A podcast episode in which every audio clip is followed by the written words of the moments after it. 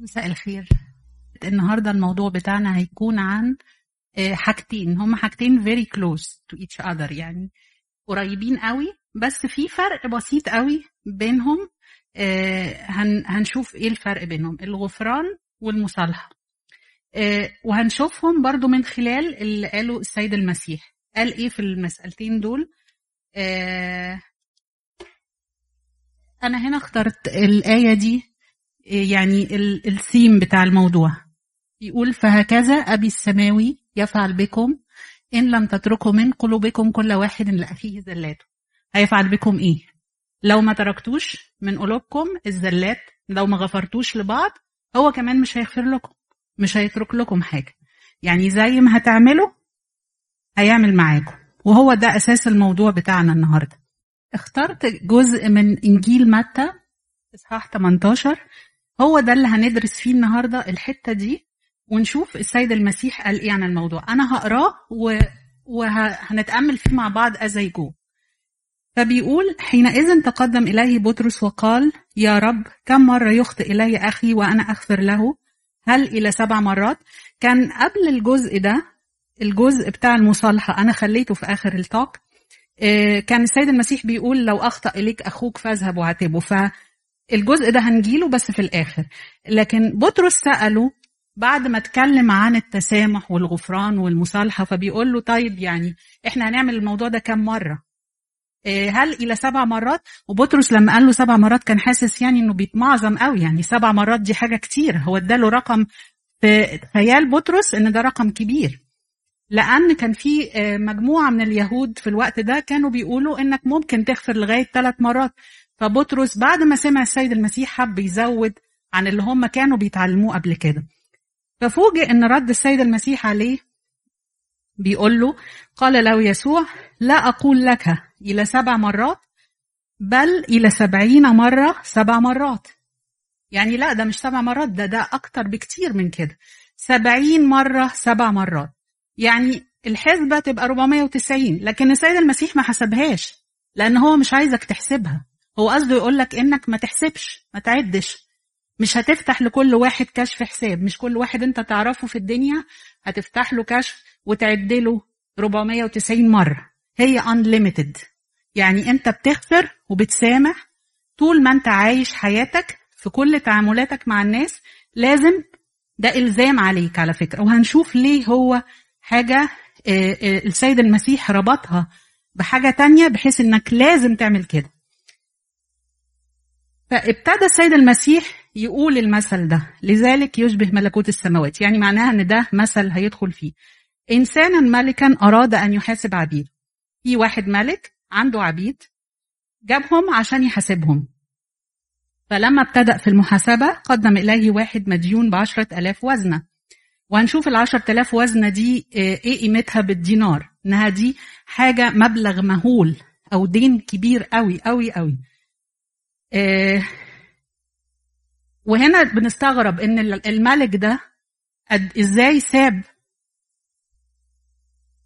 الملك ده إزاي ساب كل الدين ده للعبد وما طلبوش بيه قبل كده. يعني بنقول الملك ده إيه ده؟ قلبه إيه؟ إيه طول أناته دي؟ إيه صبره الطويل ده عليه؟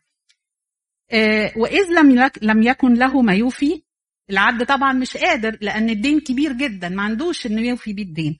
أمر سيده حسب الشريعة اليهودية إنه يباع هو وامرأته وأولاده وكل ما له ويوفي الدين. ده إذا كمان جابوا ثمن الدين. يعني كان ال- الشريعة بتقول إن اللي ما يقدرش يوفي الدين بيتباع عبد. فهو ومراته وولاده وكل اللي عنده هيتباع علشان يوفي بيه الدين وإذا كان يقدر. يعني كمان ما افتكرش إنه كان ممكن يسدد المبلغ ده. فطبعا العبد لقى نفسه هيضيع. يعني واحد اتحكم عليه حكم إيه خلاص هو في الضياع. عمل إيه؟ خر العبد وسجد وقال له يا سيد تمهل علي فأوفيك الجميع. سجد له وحاول إن هو يستعطفه ويقول له أرجوك أرجوك إديني مهلة إن أنا أسدد لك الدين ده. وطبعا ده شيء خيالي إن هو يقدر يسدد. فالسيد ده عمل إيه؟ أو الملك ده عمل إيه؟ فتحنن سيد ذلك العبد. السيد ده أو الملك واضح إن هو قلبه حنين. من صفاته إنه قلبه حنين. لما شافه كده بيستعطفه وسجد له تحنن عليه. وعمل إيه بقى؟ أطلقه. أطلقه حر. حرره. مش هيبيعوا عبد ولا حاجة. وترك له الدين. ده مش قال له أنا هتسدد هتسددهم لي بعد كده هفتح لك مثلا أعملهم لك جدول بالتقسيط أو هشغلك عندي بحيث تسدد الدين. لا. ده قال له إيه؟ ترك له الدين. قال له يعني روح أنت حر؟ وأنا هسدد عنك الدين. هسدده لنفسي. أنا شلت من عليك الدين. وأطلقتك حر. طبعا المفروض بالمنطق إن العبد اللي في الحالة دي كان ضايع وكان هيستعبد وكان خلاص يعني ما فيش قدامه حاجة مصيره أسود. واتحرر واتشال من عليه حمل زي جبل. المفروض إنه هو يبقى appreciating وإنه يخرج للناس بصورة تانية غير اللي هو كان عايش بيها. لكن اللي هنشوفه المفارقة بقى إن العبد ده ما عملش كده. لما خرج ذلك العبد يعني هو لسه يدوب كان خاشع ومتذلل وبيرجوه طلع بره ماشي قابل واحد من العبيد رفقاء. ما قالكش ده صديق ليه هو عبد يعني إنسان زيه تحت الضعف تحت الغلب. غلبان فقير زيه يعني. كان مديون ليه ب 100 دينار. قابله بالصدفة كده. راح مسك فيه أمسكه وأخذ بعنق وقال له إيه؟ أوفني مالي عليك. دلوقتي. طب يهديك يرضيك. أنا تمهل عليا. فخر عمل إيه العبد التاني؟ فوجئ بيه. قال له إيه؟ فخر العبد رفيقه على قدميه وطلب إليه قائلا تمهل علي فأفيك الجميع. أنتوا واخدين بالكم أنا حطيت خر العبد في آية 26 وفي آية 29 the same sentence. بالظبط السيد المسيح استعمل نفس الفعل ونفس الجملة اللي قالها العبد للملك. هي بالظبط اللي قالها في آية 29 آه العبد رفيقه لي لعله يفتكر ويفوق. ويشوق ويفتكر ان الله ده أنا الجمله دي لسه قايلها للملك. وسامحني وتحنن عليا ده أنا المفروض الموضوع ده يعني يفوقني لو أنا مش فايق. وهو كمان العبد الدين بتاعه صغير قوي 100 دينار. وهنشوف إيه ال 10000 وزنة وإيه ال 100 دينار. الدين بتاعه صغير يعني يقدر يوفيه. هو بس طالب مهلة. أنت قابلتني كده بالصدفة أنا معيش المبلغ ده دلوقتي. اديني مهلة هدبر لك المبلغ. لكن العبد مرضيش. فلم يرد. بل مضى وألقاه في سجن حتى يوفي الدين. قال له إيه بقى؟ الحق حق. والعدل عدل. والحق ما يزعلش. هو ده الحق صبا. الحق ما يزعلش. مرضيش يستعمل معاه الرحمة. ما حبش إنه يتهاون معاه. راح وداه المحكمة. طبعا في المحكمة العدل هو اللي بيطبق مفيش الرحمة. واتحط في السجن. قدم whatever وصل أمانة أو أي حاجة اتحط في السجن لغاية لما يوفي الدين. وبرضه هنا بنشوف الفرق. ال ال الآية 30 اللي هي مكتوبة بال purple والآية 27 هنا تحنن سيد ذلك العبد وأطلقه وترك له الدين. وهنا في الآية 30 فلم يرد بل مضى وألقاه في السجن. يعني هنا أطلقه حر هنا سجنه لغاية لما يوفي الدين. بنشوف قد إيه التناقض بين اللي حصل مع العبد ده من الملك وقد إيه هو سامحه وقد إيه هو عمل معاه وأكرمه وقد إيه العبد ده مع العبد الفقير اللي زيه عمل العكس تماما على الرغم من إنه كان المفروض اعتبرها مثلا ال 100 دينار دي جزء من الدين اللي أنت ما سددتوش. أنا عايزة اوريكم ال 10000 وزنة بالدينار بتساوي كام؟ عشان نعرف الفرق.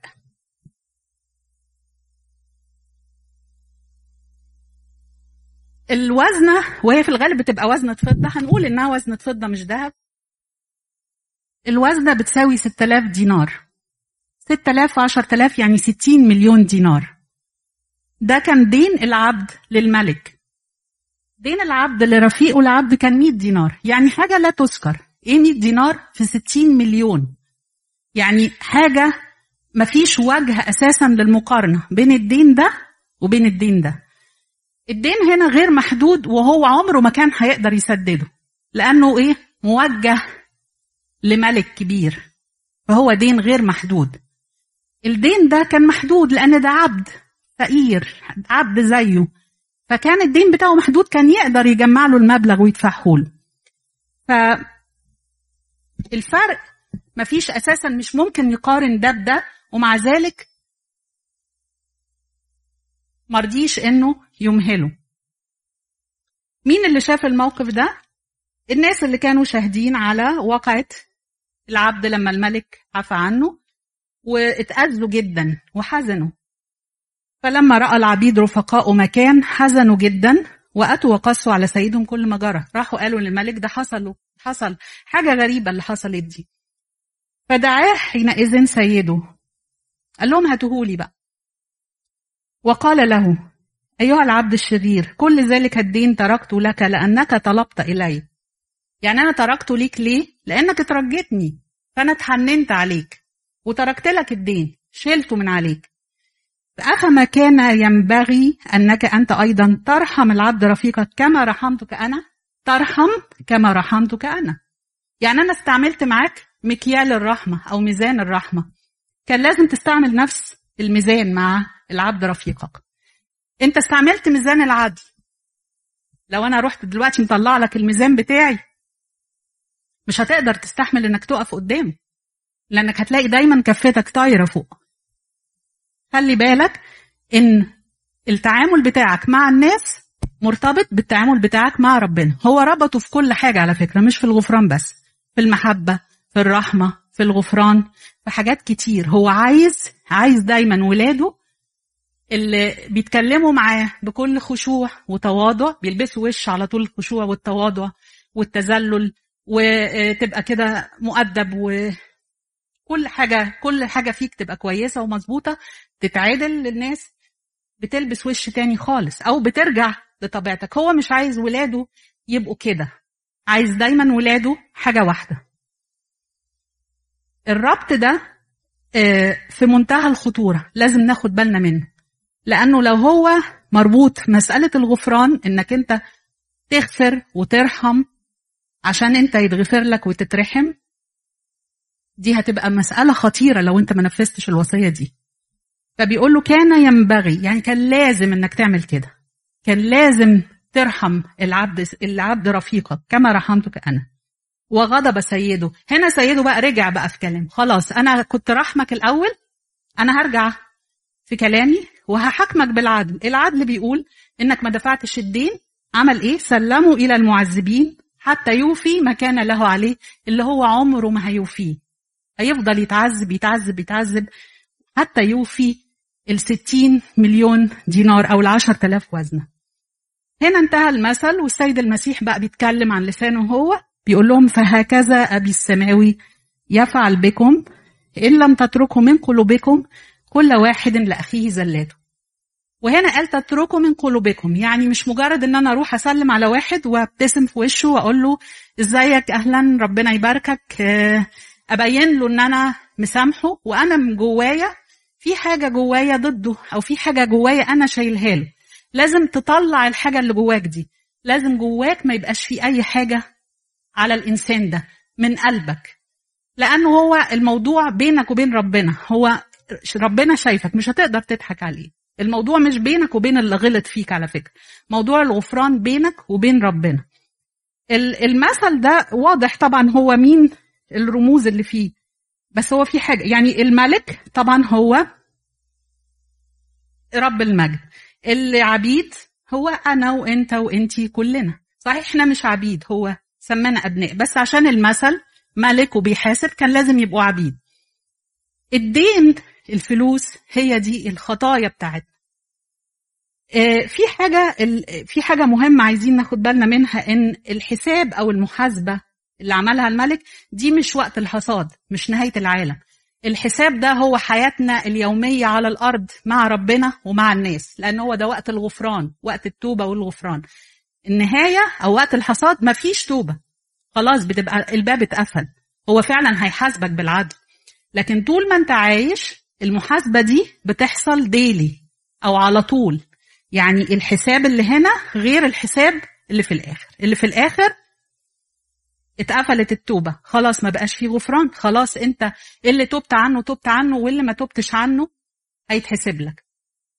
المعنى اللي السيد المسيح قصده في المثل ده متكرر عندنا في الإنجيل كتير ودي لل- لبعض ال- الآيات اللي جت عن الربط بين إنك تغفر للناس عشان أو تسامح الناس فربنا يسامحك.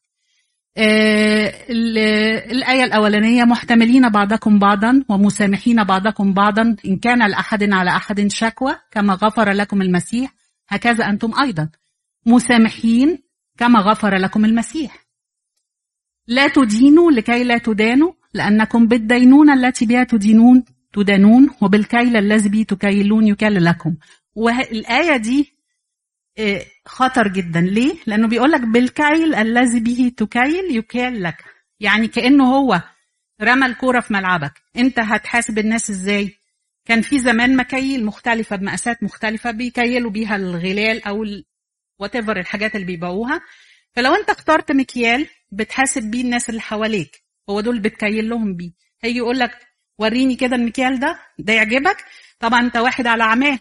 مش واخد باله من الآية أو بيقراها كده روتينلي ومش حاططها في دماغه إن هي حاجة فعلا بجد مش واخدها بمحمل الجد. هيقول له آه عجبني هيقول له طيب تعالى هكيل لك بيه. ساعتها تصرخ وتقول له لا بلاش ما تكيليش بيه. هيقول لك لا ما أنت كيلت بيه لأخوك. يبقى هو نفس المكيال اللي أنت استعملته هو ده المكيال اللي أنا هكيل لك بيه. طوبى للرحماء لأنهم يرحمون وهنا لما بترحم زميلك في الإنسانية أو أي رفيق ليك في الإنسانية بتستعمل معاه الرحمة والتسامح. هو برضو ربنا هيستعمل معاك نفس المكيال بتاع الرحمة وده اللي شفناه في المثل. في الأول الملك استعمل مكيال الرحمه لقى العبد ما استعملش مكيال الرحمه قال له تعالى لي بقى هستعمل معاك إيه؟ مكيال العدل. واغفر لنا ذنوبنا كما نغفر نحن أيضا الصلاه الربانيه اللي إحنا بنصليها ليل ونهار. وبرضو إيه ساعات بنعاد بتعدي علينا إن هو لو ما غفرناش هو مش هيغفر لنا. طيب بالنسبة لل آه باقي آيات. بالنسبة للغفران إيه الغفران ساعات بيكون صعب. ساعات ممكن نغفر ونسامح وساعات بتبقى مسألة الغفران دي صعبة علينا. وأكيد كلنا جربنا الحكاية دي بالذات لما يكون الخطأ كبير أو حاجة حصلت فيك يعني الشخص ده أساء ليك أو أذاك أذية كبيرة قوي آه، إيه ال يعني الغفران ده لما لما هو في معناه إيه؟ أو إيه إيه هو علاقة بين مين ومين؟ يعني أنا لما بغفر دي حاجة بيني وبين ربنا. ممكن الشخص اللي أساء ليك ده ما يعرفش ان انت غفرت له. هو أذاك وعدى في حياتك. ملوش علاقة أساسا بيك. ملوش علاقة مباشرة. ممكن يكون رئيس في شغل. أو واحد كده عابر. شفته مرة أهانك في وسط الناس. أو واحد كل ما بيشوفك بيأذيك. فأنت هتغفر له وهتقطع علاقتك بيه. It doesn't mean خالص إن أنت لازم تكون مصالحه وماشي معاه. فده الفرق. الغفران أنت بتغفر بينك وبين ربنا انت مسامح الشخص ده لكن ممكن تقطع علاقتك بيه علشان هو ما يأذكش أكتر من كده. يعني مش شرط تكون في علاقة بينك وبينه لكن في نفس الوقت انت خلاص قلبك من ناحيته مش شايل حاجة ما بتتمنلوش الشر.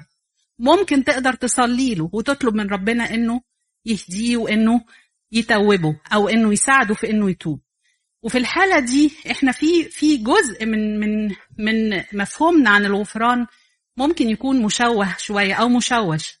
إن إحنا لما يقول لك معلش سامحه فأول حاجة ممكن الناس تقولها سامحه ليه؟ ده هو ما يستاهلش. يعني دي ممكن جدا تتقال. ما يستاهلش إن أنا سامحه. في حين إن أنت لما بتسامحه مش هو اللي مستفيد. هو ما يعرفش خالص إن أنت هتسامحه. هو الشخص اللي غلط فيك ده إمتى هيستفيد؟ أو إمتى هتتشال عنه خطيته؟ لما أنت تسامحه لما هو يتوب. بالظبط. مريم بتقول لما هو يتوب. يبقى غفران خطيته هو متوقف على إنه يتوب عن خطيته وربنا يسامحه مش على إنك أنت تسامحه. فكونك أنت تسامحه دي حاجة بتفيدك أنت مش بتفيده هو. فدي أبسط معنى للغفران. إن أنت لازم تعرف إن الغفران ده في مصلحتك أنت. إنك تغفر لواحد وتنسى الإساءة وما يبقاش ليها أي أثر جواك حتى لما تشوفه أو حتى لما تفتكر الحادث اللي هو عمله لك بتفتكره أنت ما فيش جواك أي مرارة ما بتحسش إن أنت زعلان كأنه حصل مع أي حد. أنت اللي بتستفيد من موضوع الغفران ده. وليه هتستفيد منه؟ علشان ما تبقاش آه كأنك إنسان متربط بقيود. في علاقتك مع ربنا لما ما بتغفرش للناس بتبقى كأنك متربط مش عارف تمشي في حياتك الروحية. في حاجة ناقصاك. هو قال لك اغفر عشان اغفر لك. انت دلوقتي مش بتغفر فمش قادر تستمتع بغفران ربنا ليك. في حاجة عندك اتكسرت. ابتديت انك تغضب وتنفعل وتفقد ثمار الروح القدس الحلوة اللي هي أولها محبة فرح سلام طول أناة. كل الحاجات الكويسة اللي كانت عندك دي ابتديت مع الغضب والكراهية والحاجة اللي نتجت عن الإساءة دي تفقدها. فأنت بمرور الوقت أنت اللي بتتضر من عدم الغفران. آه في أنا الآية دي إن كان ممكنا فحسب طاقتكم سلموا جميع الناس وهي دي اللي أنا أشرت ليها إن بنقول إن ساعات ما تقدرش تكمل العلاقة مع الشخص. لأنه بيأذيك. هو مستمر يأذيك فمش من المنطق ولا من الحكمة إنك تفضل في علاقة معاه. لو كان ممكن بتسالم الناس لكن مش شرط إن أنت تبقى في علاقة معاه. فالغفران مش معناه إنك مستمر في علاقة صداقة أو مستمر في علاقة وات هي إيه مع الشخص اللي أنت سامحته. لا تنتقموا لأنفسكم أيها الأحباء بل اعطوا مكانا للغضب لأنه مكتوب لي النقم أنا أجازي يقول الرب. هنا اعطوا مكانا للغضب اللي هو غضب إيه؟ اعطوا مكانا للغضب غضب الله يعني سيبوا مكان لغضب الله على الشخص اللي اللي عمل الإساءة دي لأنه مكتوب لي النقم أنا أجازي لأن الرب هو اللي هينتقم ويجازي فما تنتقموش أنتوا ولا تغضبوا اعطوا مكانا لغضب الله سيبوه هو اللي يغضب وسيبوه هو اللي ينتقم لكم. فإن جاء عدوك فاطعمه وإن عطش فاسقيه لأنك إن فعلت هذا تجمع جمر نار على رأسه. ده بعد تاني للغفران إن أنت ممكن تستخدم الغفران في إنك تخلص نفس الإنسان ده. إنك تتعامل معاه بصورة تخليه يفاجئ إن أنت بتحبه وإن أنت بتعمل معاه حاجة كويسة فيمكن يفوق ويرجع ويكسب تكسبه في الأبدية. فده جزء تاني من الغفران لكن المستفيد الأول هو أنت. الدايرة دي في واحد من الخدام كان عاملها وأنا بصراحة عجبتني فحبيت إن أنا أشارككم فيها. هي دي دايرة عدم الغفران. إيه اللي بيحصل لو أنت ما غفرتش لأي إنسان أساء ليك؟ في الأول نمرة واحد هنا بنشوف إن في إساءة حصلت لك فبيحصل جرح بتحس إن أنت اتجرحت سواء physically لو أو نفسي يعني أو psychological يعني جرحت بدنيا أو نفسيا. بعد كده بتحس بالألم نتيجة الجرح اللي حصل. لو أنت كنت غلطان والإساءة دي حصلت نتيجة غلطتك مش بتحس بالظلم فممكن الدايرة دي تقف عند كده. اتجرحت واتألمت لكن أنت عارف إن أنت السبب في اللي حصل لك. لو انت مش غلطان وما عملتش حاجة والإساءة دي حصلت لك كده وانت مش غلطان هتبتدي تحس بالظلم. الإحساس المستمر بالظلم هيولد جواك غضب. غضب أنا ليه حصل لي كده؟ وأنا ما عملتش حاجة. واشمعنى أنا اللي بيحصل لي كده؟ وليه الإساءة دي مستمرة في حياتي؟ الغضب اللي مش بيتنفس ده على طول هيخليك فيه جواك مرارة. هتبقى عايش جواك إحساس بالمرارة. ما انتش مستمتع بحاجة. ما انتش عارف تبقى في علاقة بينك وبين ربنا لأن جواك في حاجة مغطية على أي حاجة تانية كويسة ممكن تحصل لك. المرارة هتولد كراهية وبالتالي هتبتدي أنت تفقد بقى ثمارك. ربنا ما بيحبش ولاده يبقى عندهم كراهية. بالعكس ده هو اللي بيكره حد ده كأنه قتل نفس. الكراهية هتخليك تبقى عايز تنتقم سواء بإيديك أو إنك تتمنى يحصل له حاجة وحشة. تقول نفسي أشوف يوم ربنا ينتقم لي فيه. وتبقى مستني اليوم إنك تشوف الشخص اللي أساء ليك ده ربنا انتقم منه أو حصلت له حاجة وحشة فتحس إن ده انتقام ربنا تنفذ فيه. أو إنك تنتقم بإيدك. وبعدين تدخل في الإساءة مرة تانية هو يسيء ليك لما تنتقم منه والدايرة تفضل مستمرة. الغفران بيكسر الدايرة ده الدايرة دي ويخليك يخليها ترجع لورا واحدة واحدة. the more إن أنت بتمشي فيها وبتعدي مراحل the more إن هي بتاخد وقت أطول إنك ترجع. ولذلك عشان كده أحسن إنك تغفر بدري قبل ما تبتدي تدخل في المراحل الطويلة دي. وده اللي بالظبط اللي عمله السيد المسيح على الصليب لما غفر للي صلبوه وقال يا أبتاه اغفر لهم لأنهم لا يعلمون ماذا يفعلون. غفر لهم هو في مرحلة الألم بدري. ما دخلش. طبعا هو عمره ما كان هيدخل لكن يعني هو مثل إنه ما دخلش لا في غضب ولا في مرارة ولا في ولا في الكلام ده كله. هو ده بالظبط اللي ربنا عايزه منك إنك ترجع وتغفر قبل ما تدخل في في الدايرة الكبيرة دي. طيب الغفران برضو مازال صعب. إزاي أعرف أغفر؟ تقدر تغفر إنك تفتكر قد إيه غفر ليك ربنا؟ زي في المثل اللي هنا كان المفروض العبد ده يفتكر الملك بتاعه سامحه في قد إيه فيقوم يبقى سهل عليه إنه يسامح العبد رفيقه في المبلغ الصغير اللي هو استلفه منه واللي قال له إن هو هيرجعه له. كان يبقى سهل عليه. أنت تفتكر دايما قد إيه ربنا شال عنك خطايا؟ قد إيه ربنا غفر لك خطايا؟ وافتكر إنه ربط غفرانه ليك بغفرانك لأخوك. ودي اللي إحنا العلاقة الوثيقة الخطيرة اللي, السيد المسيح حطها واللي لازم تبقى في دماغنا على طول. لو ما غفرناش مش هيتغفر لنا. العلاقة دي لازم نبقى في دماغنا باستمرار ونبقى محتفظين بيها قدام عينينا عشان نفتكر دايما إن الغفران ده حاجة إلزامية لازم نعملها. ثالث حاجة أو يمكن دي أهم حاجة هي طلب المعونة بالصلاة. أنا مش قادر أغفر. أصلي كتير إن ربنا يوسع لي قلبي. وإنه يديني القدرة على إني أغفر وأنسى الإساءة من الشخص الفلاني أو الإنسانة الفلانية. باستمرار الصلاة لما ربنا يشوف إن أنت فعلا عايز كده وإن فعلا أنت بتلح في الطلب على الحاجة دي هتلاقي نفسك قادر تغفر. طيب هعرف منين إن أنا غفرت؟ ما يمكن أنا فوت موقف مثلا. فلما يجي يعملوا فيا مرة تانية أقول له مش كفاية إن أنا المرة اللي فاتت انت عملت فيا وسويت وأنا سكت لك فكده ده مش غفران. انت كنت فاكر ان انت غافر لكن انت ما زلت شايل في قلبك. هتعرف منين انك غفرت؟ نفتكر الآية اللي كانت في الموعظة على الجبل. وأما أنا فأقول لكم أحبوا أعداءكم باركوا لعنيكم أحسنوا إلى مبغضيكم وصلوا لأجل الذين يسيئون إليكم ويطردونكم.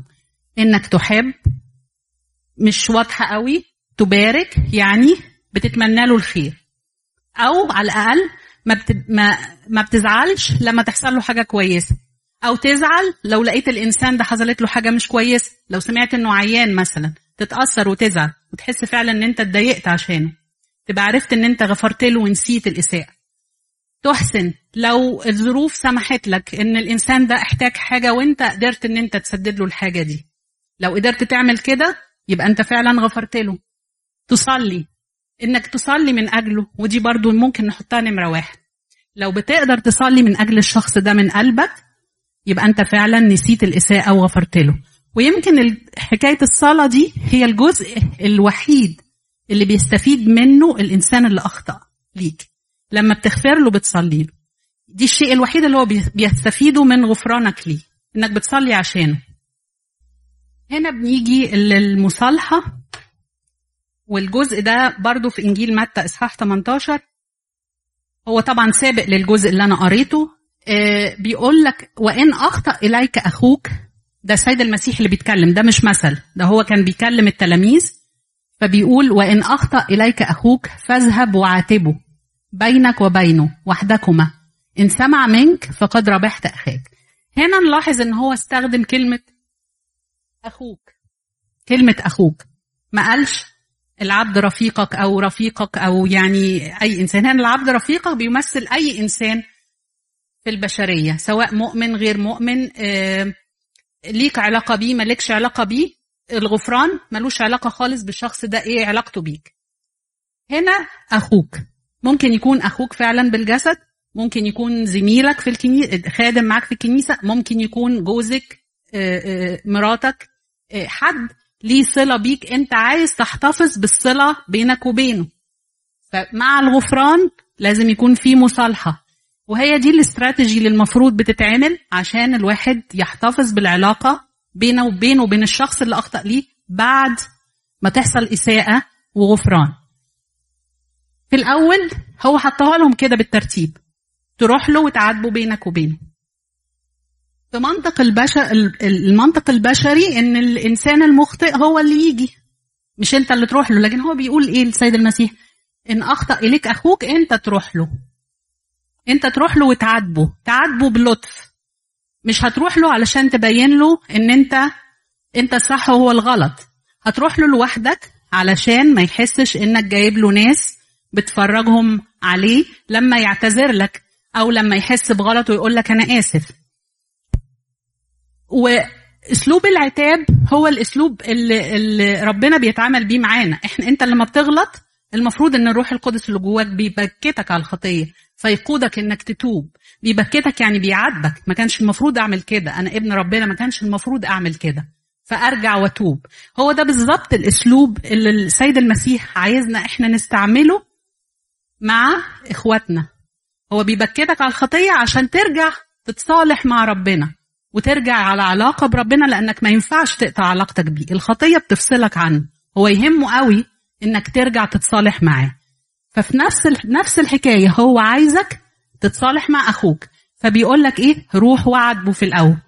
قول له أنا أنت عملت معايا كده. يا ترى أنا هل أنا ضايقتك في حاجة؟ أنا اتضايقت منك بس أنا غفرت لك. في الحالة دي هو بيبقى عارف إن أنت غفرت له. أنت بتقول له وبتحاول بكلامك معاه إنك تدوب الخلاف ده وترجعوا متصالحين تاني. طب لو ما سمعش منك وإن لم يسمع فخذ معك أيضا واحدا أو اثنين لكي تقوم كل كلمة على فم شاهدين أو ثلاثة. ما سمعش منك خد واحد أو اتنين محايدين. بس طبعا يكونوا اتنين أو واحد أو اتنين فيهم حكمة فيهم روح سلام يعني عايزين يعملوا سلام. ليه مشهود ليهم إن هم يقدروا يعني يوفقوا بين الأطراف. ممكن الاتنين دول اللي راحوا لما يسمعوا الموضوع من تاني من الطرفين يكتشفوا مثلا إن أنت كنت حساس زيادة أو إن الموضوع ما كانش يستاهل كل الخناقة دي وإن الموضوع بسيط جدا فتتحل المشكلة ويقدروا إن هم يصفوا الخلاف. لو ما سمعش وإن لم يسمع منهم فكل الكنيسة. قول الكنيسه يعني الناس الكبيرة في الكنيسة. ممكن الخدام رأي أمين الخدمة القسيس الأسقف. وإن لم يسمع فليكن من الكنيسة فليكن عندك كالوثني والعشار. الحتة دي بس نزل تحت فليكن عندك كالوثني والعشار. يعني إيه كالوثني والعشار؟ هو رفض سلطة الكنيسة ورفض المصالحة اللي جاية من الكنيسة. فهتكون أنت سامحته وغفرت له لكن مش هيبقى في علاقة. يكن كالوثني والعشار يعني مش هيبقى في مصالحة بينكم مفيش علاقة مباشرة بينكم هو فقد العلاقة المباشرة اللي بينكم. في غفران آه لكن مفيش العلاقة المباشرة. أه هفتكر هو كده الموضوع يعني أنا خلصت اللي ممكن أقوله لو في أي حد عنده سؤال. جميل قوي نيفين بجد يعني غطيتي كل الأسئلة بس عندي سؤال واحد إيه معنى النسيان؟ يعني لو واحد أخطأ إلي واساء إلي وظلمني وعمل لي كل الحاجات دي وأنا غفرت له. إيه معنى النسيان؟ هل معناه إن أنا أنسى الحدث ككل ولا لما أفتكره ما يتعبنيش أو يجرحني؟ أنا اقتناعي الشخصي وده رأيي أنا الشخصي إن إحنا ما بن... ممكن ما نقدرش ننسى. إحنا مش زي ربنا. ربنا بيغفر وبينسى. لكن إحنا ممكن ما نقدرش ننسى. لكن تفتكري الحدث لو جت مناسبة لكن ما يأثرش فيكي خلاص. هو ده الغفران. إن أنا ممكن أفتكر آه ده فلان آه حد يقول قدامك مش ده اللي عمل فيكي وسوى آه آه بس خلاص أنت أنت من جواك مش حاسة بنفس الأثر. لما بتفتكري الحدث ده بنفس الأثر اللي حصل لك لما اتعمل معاكي. أو نفس ال ال ال الألم أو المرارة اللي حسيتي بيها لما اتعمل معاكي. كأنه حصل كأن حاجة بتتحكي لك حصلت مع حد تاني. فهو ده ممكن ما تنسيش الحدث لكن تأثيره عليكي خلاص بيروح. بس I don't think إن هو الواحد ممكن يقدر ينسى كده كومبليتلي ممكن ما تبقيش انت السبب في إنك تفتكريه. أنا يعني برضو أنا بيتهيألي لما تغفر لحد ما بتقعدش مع نفسك كده تفتكر آه ده ده اللي عمل فيا كذا. لكن لو جت مناسبة لو جت مناسبة وحد أثار الموضوع ده وافتكرته فهو مش بيأثر فيك. طب أنا عندي سؤال لك يا نيفين دلوقتي أنت كنت بتقولي إن أنت هتغفر وهتسامح بس أنت مش مجبر إن أنت تكمل في علاقة ممكن علاقة تبقى آه، مؤذية ليك. ماشي؟ طيب هل أنا لو أنا مثلا سمحت للي قدامي وغفرت له بنفس الخطوات إن أنت هتحب وهتبارك وهتحسن وهتصلي للمسيء اليك بس أنا قررت إن علاقتي بالشخص ده لأن هي علاقة مؤذية وشخص بي- بيأذي وده مش بحكمي أنا لوحدي ده بحكم آخرين كمان أثبتوا أن الشخص ده. هل في الحالة دي أنا still محتاجة إن ا go through ال process ديت؟ إن أروح وأعاتب؟ وأجيب حد معايا ويعاتب؟ وأروح للكنيسة ويعاتب؟ وأنا عارفة إن الشخص ده مهما عملتي هو هيفضل كده لأن أنت عارف إن الشخص ده علاقته بيك وبالآخرين هي علاقة مشوهة شخص مؤذي. بس تل أنا محتاج إن أنا اجو ثرو الخطوات دي.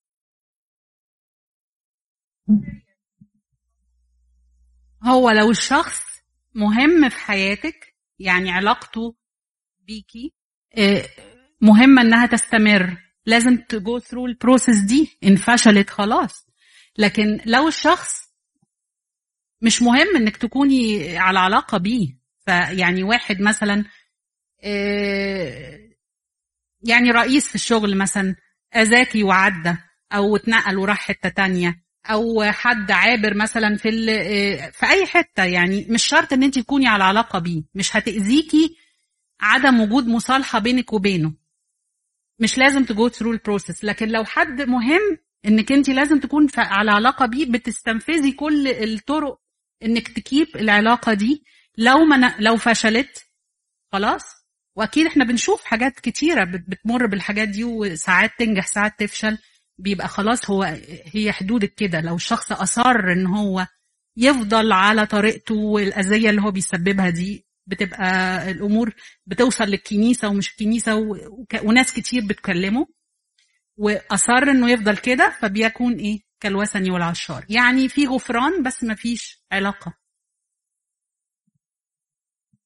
أنا حابة أقول نقطة بالنسبة لل ال- الم- المصالحة آه، في في سفر التكوين جت قصة جميلة قوي عن آه، أبونا إبراهيم ولوط.